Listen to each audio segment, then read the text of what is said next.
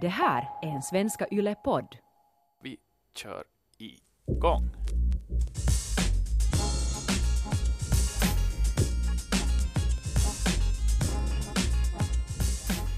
35 avsnitt in i Ylesportens podd är vi för tillfället. Det är en snöig förmiddag i Jakobstad där jag befinner mig, men det gör inte du Chris, var är du?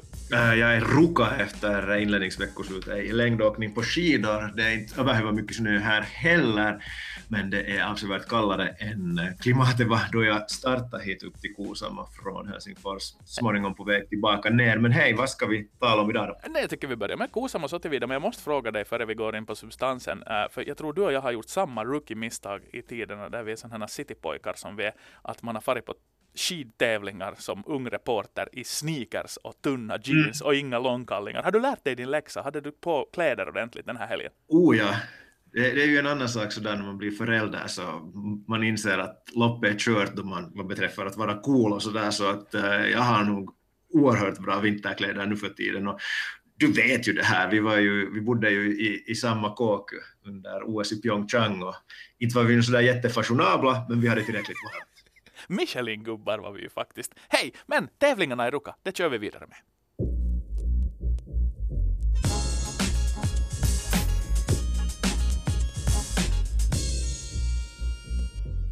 I dagarna tre tävlar man här alltså i Ruka och eh, ska vi säga som så att eh, vad längdskidåkningen beträffar så kanske det inte blev den fullträff som vi hade hoppats. Eh, jag kommer med ett påstående, Antti, du får resonera om och kring det. Påståendet lyder det är dags att skruva ner de finländska förväntningarna vad skid-VM i Seefeld beträffar. Nå, inte skulle jag nu säga det, kanske vad poängplaceringar beträffar, men nu håller ju Pärmäkoski och Niskanen måttet och de tog fyra medaljer i OS, så att jag menar, eh, vi pratade ju om storslam med Glenn Lindholm förra veckan, men att eh, jag vet inte, vi har två superstjärnor. Och sen har vi en massa dussinåkare som kan få till det i en tävling här och där och, och satsar allt krut på, på Seefeld, Så att, äh, klart man kan ta till ord som Lindqvist på HBL talar om katastrof. Ja, inte var det ju bra, inte, inte, inte säger jag det inte, men att jag menar, jag tyckte någonstans att våra toppåkare var där de ska vara, det vill säga i närheten, och, och, och våra dussinåkare var där de brukar vara, det vill säga ganska långt ifrån. Äh, vissa gör sämre resultat än väntat. Någon Kerttu Niskanen nämns ganska mycket i pressen just nu, men att det här ni behöver ju skriva ner för, för min del medaljförväntningarna jättemycket. Sen gick det ju sämre i andra grenar. Men du är ju väl dela referatbås med Glenn hela veckoslutet, så att han fick gråare hår hela tiden. Glenn är en, en obotlig optimist i motsats till kanske till mig i det här fallet, för jag tycker faktiskt att äh, de här indikationerna från det här veckoslutet inte var så där överhövan positiva. För det första så, du nämner Niskanen och Pärmäkoski. Äh, eh, ja, de var med i tätstriden, men jag tyckte de ändå var överraskande långt från täten, åtminstone vad mina egna förväntningar mm. beträffar. Uh, de var långt från toppåkarna i det här distansloppen, det vill säga Johaug och Bolsjun, och differensen var ganska stor. Och sen också placeringsmässigt, det var många åkare mellan dem och ettan. Så att uh, om jag skulle säga som så här, om jag skulle vara vadslagningsbyrå så skulle jag höja på oddsen för att Niskanen och Pärmäkoski tar medalj eller medaljer i C-fält. Inte mycket, men lite. Så därför tycker jag att svaret är ja, på, ja i påståendet om att det är dags att skruva ner de här finländska medaljförväntningarna i C-fält. För det andra så tangerar jag då förstås det vad du tog upp också. Nu ser det ju, det ju tunt ut bakom Ivo och Krista. Och, och, då tänker jag på medaljförhoppningar vad beträffar stafetter och sprintstafetter. Mm. Okej, okay, Risto-Matti Hakola, okej, okay, men, men vi ska komma ihåg i sammanhanget att de här uh, huvudkonkurrenterna ser så oerhört vassa ut. Ryssland har en enorm bredd nu för tiden. Norge är samma läge som vanligt. Sverige uh, har en grym bredd på damsidan. Så att uh, det är långt i VM, men inte nu är det avsevärt fler frågetecken än utropstecken kring Finlands längdlandslag. Uh, inte minst då det här veckoslutet i Ruka och tävlingarna här gick i klassisk teknik mm. som i snitt är en betydligt bättre teknik än skate för merparten av de här finländska topparna. Det är roligt att du nämnde den här bredden, för jag tror det var SVT som hade gjort en sån här, det var en liten sån där förlåt på förhand att inte vi klarar oss i helgen grej på sociala medier, det vill säga där de visar att no, vi har nu då 900 någonting elitåkare, vad det nu var, och Norge har då 3800. Det är klart att inte vi klarar oss mot dem. Jag försökte faktiskt på Twitter eh, dela den där länken och tagga skidförbundet och var så att hej, hur många har vi? Bara för att sätta det hela i perspektiv, just då du nämnde den här bredden, för att det är otroligt. Och, och Tony Roponen var skön då han, han blev intervjuad på Iltalehti, jag är en expertkommentator där för tillfället, och han sa om det här med stafettlaget, så att ja, det är nog så att vi måste ha tre åkare som är i, absolut toppform för att lyckas i stafett. Så jag så att, men vänta nu, att, har jag räknat fel? Men så, ja, det, en kan till och med vara lite sämre. så, där, så att bara vi får tre åkare i, i bra skick, så på karasidan har vi ju då, ska vi då tänka att om, om Niskanen nu visar att, att han har räknat med hela säsongen, han kollar ska väl kunna komma dit och sen är Matti Heikkinen ett sånt oskrivet blad, men han är Matti Heikkinen. Så, att, så där är det kanske liksom möjligt. Men just kanske den där dambredden oroar mest för att man har ju tappat liksom tunga namn som Aino-Kaisa Saarinen och, och sån här mångårig eh, stortävlingsveteran som litar Risa Roponen och så. Så, så att klart att det ändrar på, på premutationerna. Men det som jag tittar på själv, som jag blev nyfiken på, för jag är inte riktigt hundra säker på det, även om vi var på plats i Pyeongchang, det vill säga när finländare tog medalj i längdskidspåret, hur långt borta var följande finländare. När Niskanen vann 50 kilometer så var Matti Heikkinen 25. Äh, då Pärmäkoski var trea på 10 fritt så var Roponen 20. I skiathlon var hon trea, Pärmäkoski igen, då var Mononen 19. Och den enda distansen där det var finländare ens i närheten av den finländare som då tog medalj, som var på 30 klassiskt, då Pärmäkoski var tvåa och Kerttu Niskanen besviken, men sexa i den tävlingen. Så att det liksom det befäster ju bara det som ägde rum i februari 2018 är väldigt sannolikt sannolikt och känns som sannolikt att, att det så är fallet också i, visst är det i februari Sefelt va? Mm, slutet av februari, ja. det går lite in på mars. Jo, jag, jag håller med dig, men, men kanske mest oroad just över att, att de här stafettmedaljerna som vi drömmer om, fyra till antal, att Finland ska ha chans i samtliga de här stafetterna, det vill säga två gånger sprintstafett eh, och två gånger vanlig stafett, så det känns som att till exempel Ryssland är så på gång just nu och, och har en, en, en, jag nämnde den här bredden och de har ett ungt landslag, det är hungrigt, de, de kan göra valpiga misstag. Och sen intressant också det, med, det här med Roponen ännu, så kan jag ju inte låta bli till att dra paralleller till det här senaste skid-VM vi båda var involverade i. Minns du hur det gick då, då Sverige var på väg mot VM-guld i Val di Fiemme 2003 Oj, ja. och en av fyra herrar i det svenska landslaget inte höll för måttet, det vill säga ankare. Den är ju den, den är en av de mest omskrivna kollapserna liksom någonsin. Men jag har ett, ett påstående till vad beträffar ja. längdskidåkningen utgående från det här veckoslutet. Uh, mitt påstående lyder Alexander Bolsjunov och Therese Johaug kommer att koras till säsongens skidkung respektive skiddrottning. Amen, är väl det naturliga svaret där. Det är ju jätteolika skidåkare. Jag, jag var inte så där hundra säker, för jag, jag tycker de här ryssarna, de kommer och går. Och man, man läser kanske mindre om dem och man följer dem inte så noggrant. Jo, de är med och tävlar och sådär, men de blir inte sådana profiler som man fäster sig vid. Så jag måste kolla att, vänta nu, va, va, hur gammal var den här Bolsjunov? Han är ju, han är ju just och just torr bakom öronen. Uh, men ändå, uh, fyra medaljer. Uh, i februari, så att det här, nej, Herkas, han bygger ju bara vidare på, på någonting som var bra redan i fjol. Så, så det där är ju en kille som det gäller att hålla ögonen på den här säsongen. Sen, sen för Johaugs del så, jag menar, det var nästan tusen dagar från senaste pallplacering då i Kanada. Och, och, och, att komma tillbaka och göra det på det sätt hon gör. Så alla har sagt det, och jag kan också säga det, att hon, hon tävlar om, om segern i varje lopp hon ställer upp i. Det är inte något snack om saken. Och eh, på sätt och vis ett skönt betyg också för den finländska skidpubliken som då av vissa journalister hade målats upp som som en potentiell svinaktig lynchmobb som kommer att göra livet surt för Johaug. Så vad jag förstår, här kan du ju skriva under det i så fall eftersom du har upplevt det där på ort och ställe, så, så fick hon ett varmt mottagande och det hejades riktigt genuint och friskt på Therese Johaug när hon ställde sig på starten uh, på söndag. Så ja, det är klart, det, det är det här som kommer att dominera. Nu Björgen är borta dessutom. Uh, Kläbo, nåja, det kan vi ju diskutera helt skilt också, men, men det här uh, att han, han åkte ju bra inte var det någon snack om den saken, att han blev dubbelsegrad och Bolsjunov hade kanske lite mindre med honom att göra, men, men visst, är det, visst är det royalty båda två? Eh, uh, Johaug uh, eh, inte bara krigar, tävlar om, om segrarna i varje lopp hon ställer upp i. Jag tror att hon kommer att vara, eller cementerar det faktum just nu att hon är överlägsen vinnarkandidat i varje lopp hon kommer att ställa upp i den här säsongen. Hon är revanschsugen, hon är taggad, hon är i grym form och uh, dessutom så är hon så rutinerad. Så, så hon avstår de här sprintloppen, avstår Tour de Ski och så vidare, så att jag skulle inte ens vara förvånad om hon vinner alla lopp. Okej, okay, hon är snäppet bättre på klassisk teknik än i det här eh, skate, så att där kan motståndare eventuellt besegra henne, framförallt om banorna inte så där eh, överhövan krävande.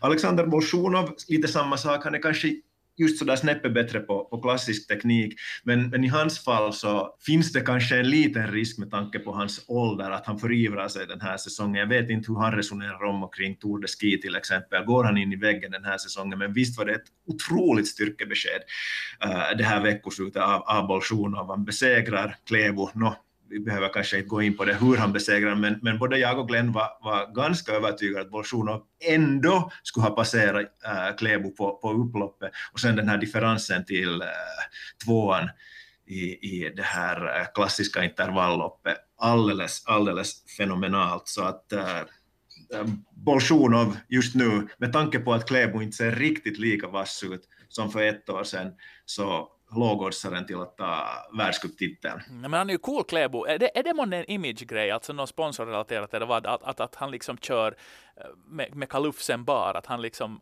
alla andra kör med några no shades och, och pippon och, och snor i nama och är som sådär, ser ut som skidåkare. Och han är som affischpojken. Att, vet, vet, känner du till om det? Ligger det någonting i det? Att det liksom, han ska se ut på det här sättet när han åker i skidspåret för att han, han är liksom the new face of Norwegian längdåkning. Jag, jag antar att det ligger någonting bakom det, ja, för att uh, uh, jag tror inte att han eller då Petter Northug är, är, är så där kaxiga och, och är så där utpräglat uh, utåtriktade i det privata livet, men eh, de skruvar upp sitt marknadsvärde, tar ut eh, allt som finns att ta i, i form av sponsorpengar, men eh, sen tror jag de facto inte att Kläbo var i, i, sådär i PR-syfte och gjorde bort sig efter sprinten och, och enligt uppgift då demolera en stol och så vidare. Det tror jag kanske inte att hans sponsorer tyckte att var, var helt kors här. Ja, men vi lägger, Lite valpaktigt både på upploppet och reaktionen. Faktiskt, men jag tycker Chris, vi, vi lägger fast en, eh, slår fast en sån där Johaugs Perfect Season Watch. Uh, om det faktiskt håller, för jag tycker det är jätteroligt att du säger det här, att det, det, kan faktiskt vara att hon vinner varje lopp hon ställer upp i. Så vi får se i vilket avsnitt mm. det sen har spruckit. För att det kommer det är väl tre veckoslut tätt in på varandra nu som den här, de tycker vidare i världscupen. Och, och, ska vi kanske äh, sätta den randanmärkningen där att nu är det ju en sån här minitour på kommande nästa veckoslut i Lillehammer mm. och, och, för att äh, få de här bonuspoängen och klara sig på den här minitouren så måste man ställa upp i sprinten och, och om Johaug då tänker som så att, att hon deltar i sprinten för att äh, tävla om de här poängen och tävla i, i den här minitouren. Så där tror jag inte att hon kommer att segra, men, men om vi, vi utgår från bara distanslopp så, så kan vi absolut ha den kollen. Okej, okay, vi följer med. Vinner hon varje lopp? Gör hon en perfect season? Roligt.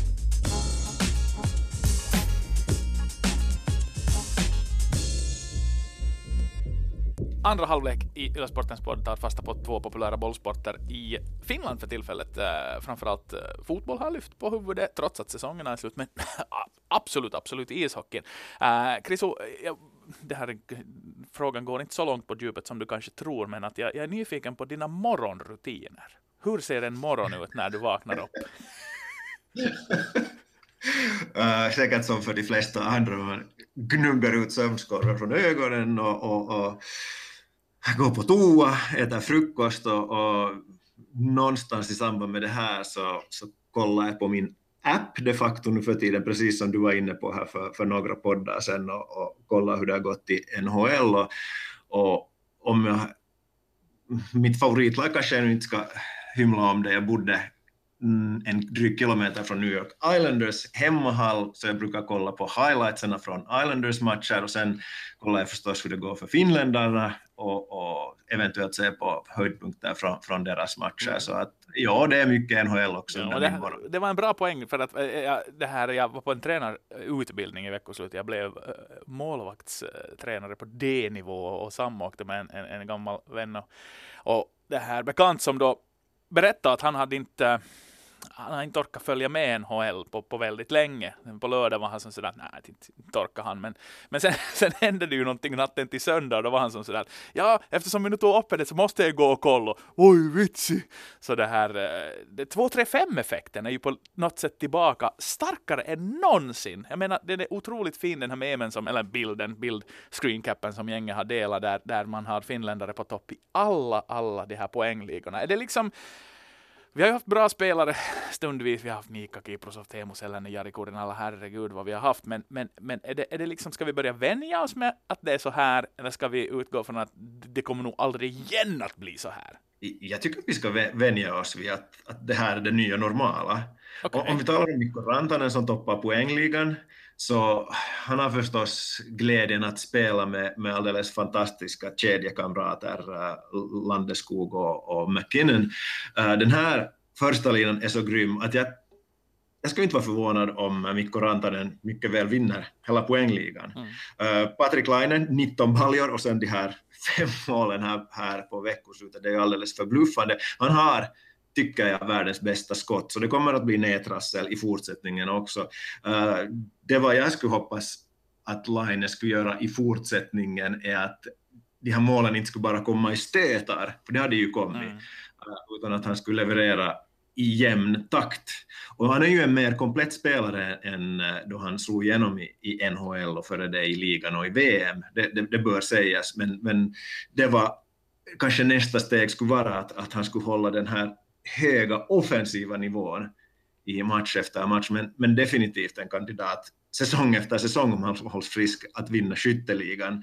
Eh, det som jag kanske är lite oroad över eh, i då vi talar om finländsk ishockey är målvakterna. Du nämner, du nämner Kiprusov, men nu har vi ju fortfarande Pekka Rinne, Tukka Rask, äh, Ranta och så vidare. Men där bakom dem ser det inte kanske riktigt lika ljust ut. Okej, okay, vi har Jose Saros, det finns Jonas Korpisalo, men håller de riktigt lika hög standard som, som de här som har, som har hållit den här finländska målvaktsfanan högt uppe i så många år i, mm. i NHL, det vet jag inte. Och sen på backsidan så ser det ju också lysande ut med, med med äh, Miro Heiskanen, Henri Jokiharju, Esa Lindell och så vidare, så de kommer att höra till, till backeliten i över ett årtionde om de hålls friska. Det, det är ju liksom en liten pendel som svänger på sätt och vis, för att i något skede var vi ju bara som sådär att vi är bara målvakter. Att finska mm. målvakter, det är liksom the shit. Och, och, och avundades då Sverige som hade Sedinare och Sundinare och allt världen. Nu har vi liksom planfull med giganter, men ett, ett, ett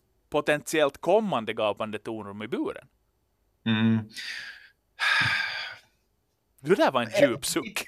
ja, inte omöjligt, men uh, nu håller den finländska målvaktsutbildningen fortfarande så hög klass att, att Finland kommer att ha världsklassmålvakter, men de där platserna i NHL, de är äh, väldigt tuffa att vika till sig och sen gäller det ju också då att, att komma in i rätt miljö. Och, och det här handlar ju inte om att Finland skulle ha gått bakåt utan de övriga nationerna har skärpt sig. Sverige var ju länge på dekis vad, vad målvaktsutbildningen beträffar, men, men äh, de har tagit skeden i vacker hand för dryga 10-15 år sedan och, och, nu håller man där minst samma nivå som i Finland så att konkurrensen är hård men nu har vi bra finländska unga målvakter på kommande väg. Vehviläinen höll nollan i sina två första landskamper här under under turneringen i Helsingfors för ett par veckor sedan, så att eh, inte ser det nattsvart ut, inte, mm. absolut inte. Och tänk vi har talat så här länge nu om NHL och vi har inte ens nämnt Alexander Barkov eller Sebastian Aho. Nej, exakt, men det är ju, eh,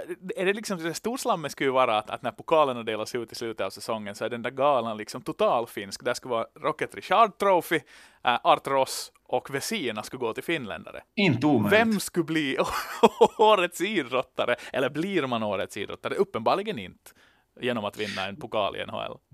Nej, det tror jag inte att... att no, det beror på hurdant idrottsår vi har. Det beror på om Niskanen vinner i Seefeld. De här tre som tar de här pokalerna så uh, dessutom går och vinna Stanley Cup och ha en nyckelroll där, så då är väl nog den spelaren jättenära, eller hur? Nej, men då måste man komma till VM. Man måste ju vara bra i VM.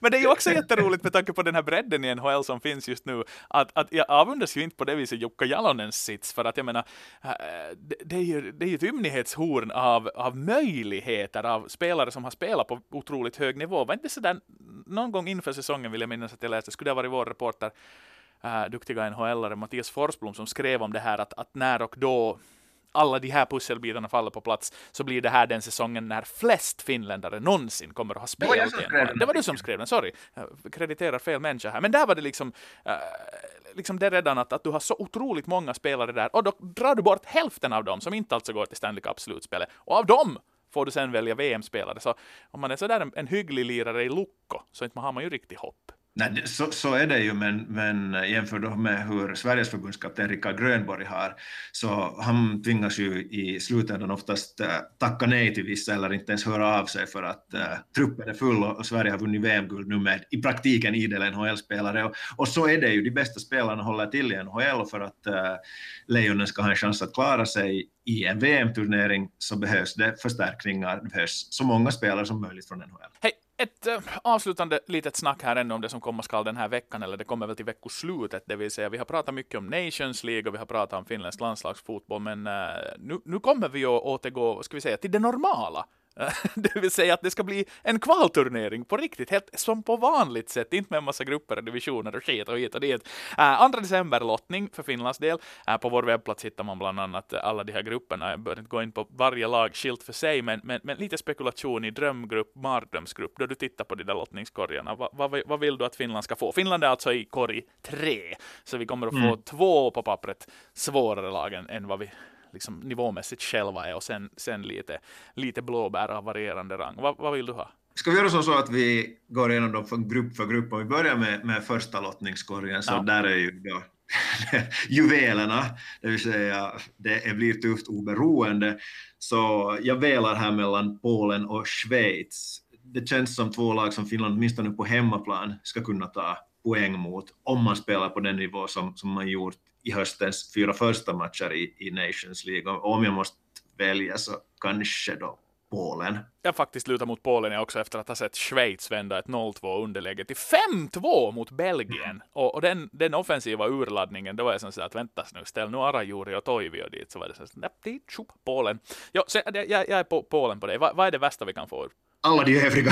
Resten. Men det är sådär, man skulle vilja ha publikmatcher. Så jag tänkte så sådär England. England skulle vara liksom den där mardrömmen på sätt och vis samtidigt drömmen. Jo, no, om vi tänker på publikmatcher så nu skulle det vara häftigt att Finland skulle möta just Belgien med alla de världsstjärnorna eller, eller Spanien eller, eller världsmästaren Frankrike. Så det är bara, det är bara att, att Pick your poison. Hej, i, i, i pott 2 kan vi väl vara överens om den andra lottningskorgen att, att hela, hela Europa fruktar Tyskland eftersom de har halkat ner i den. Det är som, som tur då i, för, för de här konkurrenterna som så att de två bästa avancerar till, till slutspelet så att äh, besegrar man, eller fast man skulle förlora dem mot Tyskland som kommer från den andra lottningskorgen så har också de här toppnationerna från, så, så ännu en, en ganska enkel väg till, eventuellt en enkel väg mm, till, mm, vem, till EM. Vem är drömmotståndaren här i, i andra lottningskorgen? Island, Island, Island, Island. Finland borde ha tagit fyra poäng om inte det skulle varit för den där domarfadäsen borta i Reykjavik i, i, i det här senaste VM-kvalet. Eh, och du vet ju själv hur Island har gått på sistone, mm. så att eh, det känns som att, att möta ett Island eh, med sargat självförtroende, det ska vara till och med alla möjligheter i så fall för Finland att ta fyra eller till och med sex poäng. Okay. Ja, jag, var, jag, var, jag tänkte på det, men jag, jag, jag vet inte, jag fick en sån soft spot för Island jag var där på reportageresa inför VM, så att det här, jag, tänkte, jag fruktade dem lite, framförallt där på hemmaplan, så därför tänkte jag Wales. Jag tänkte sådär Wales, det skulle vara bra. Som ett alternativ. Uh, men ja. om, om, vi då har, då har en mardrömsgrupp med, med, med en världsmästare och Tyskland, uh, men vi får kanske Polen, Wales, Island då som bäst, så är det som liksom någon skillnad vad vi får sen efter det, för där kommer ju liksom min lista kort. Alltså av, av blåbären nerifrån så skulle jag ta i Cypern, Gibraltar och San Marino. Och det låter ju nog som poängmaskiner allihopa. Ja, Cypern är nu inte ett så tokigt fotboll, så jag tycker att, att den här lottningskorg 4 kan my mycket väl fälla Finlands EM-drömmar i värsta fall. Där finns ju bra lag som Grekland till exempel. Ja, Grekland och Ungern, våra gamla antagonister. Precis, ja. ja men sen, sen är det ju också lag som Estland som jag tror att, att Finland med, med, som äntligen skulle få gå, gå in då som storebror i en match så skulle man borde ta sex poäng. Litauen och Georgien tycker jag nu inte heller att, att känns omöjliga på något sätt jämfört med då till exempel ett Grekland. Så att äh, där är stor differensskillnad, kvalitetsskillnad mellan lagen i den här fjärde lottningskorgen.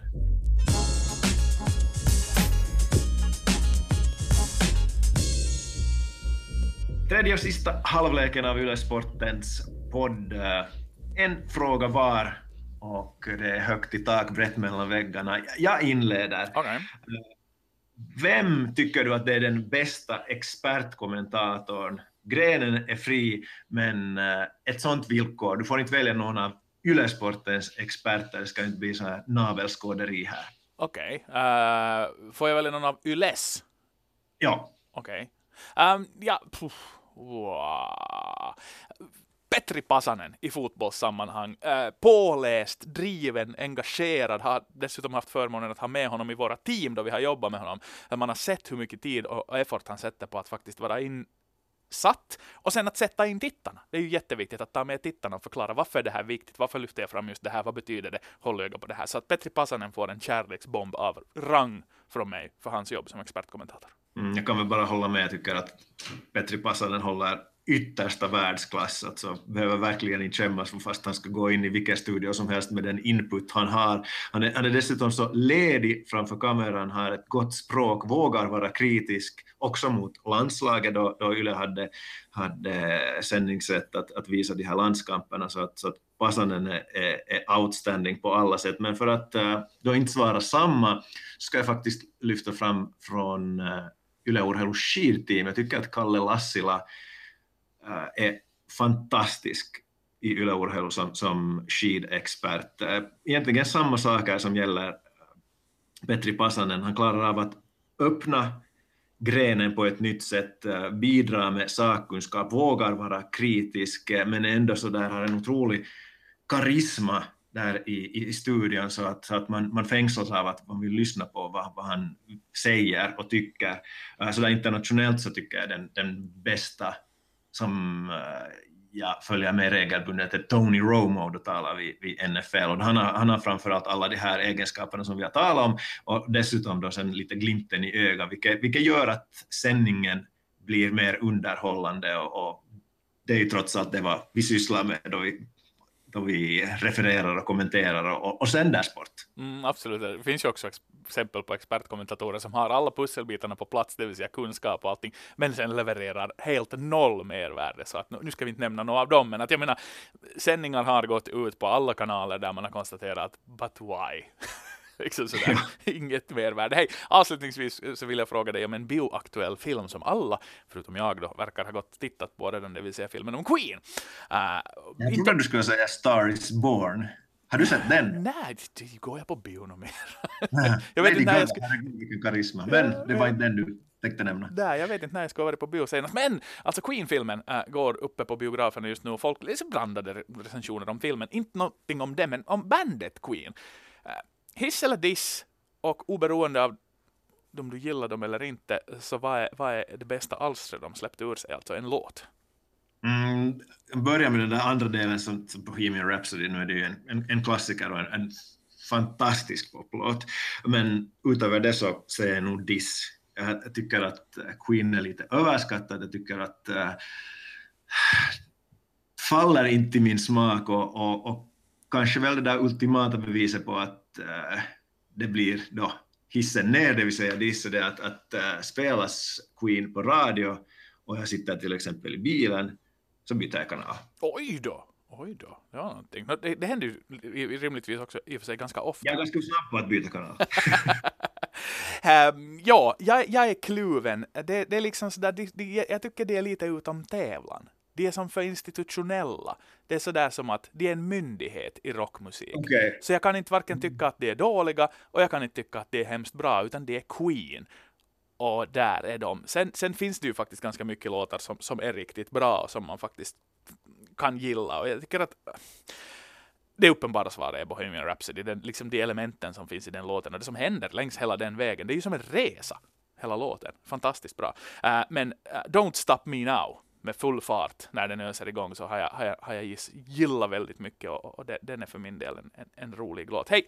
Uh, tack för sällskapet Kriso. Uh, jag vet att du har tajt med tidtabell. Du ska iväg hemåt. Ni hittar podden på arenan naturligtvis, men också på två andra ställen. Kriso! iTunes och Spotify. Jag kanske skulle vilja avsluta så här att, att uh, ni som har orkat lyssna hela, genom hela podden så, så hör gärna av er till exempel på per e-post svenskasporten yle.fi eller via våra Twitterkonton. Det är lätt att hitta oss eller, eller per e-post där och, och kom med, med förslag på vilka ämnen, vilka teman, vilka frågor vi ska ta upp i, i, i podden i, i fortsättningen om ni så önskar. Mm. Hashtag Ylesportens podd med två D.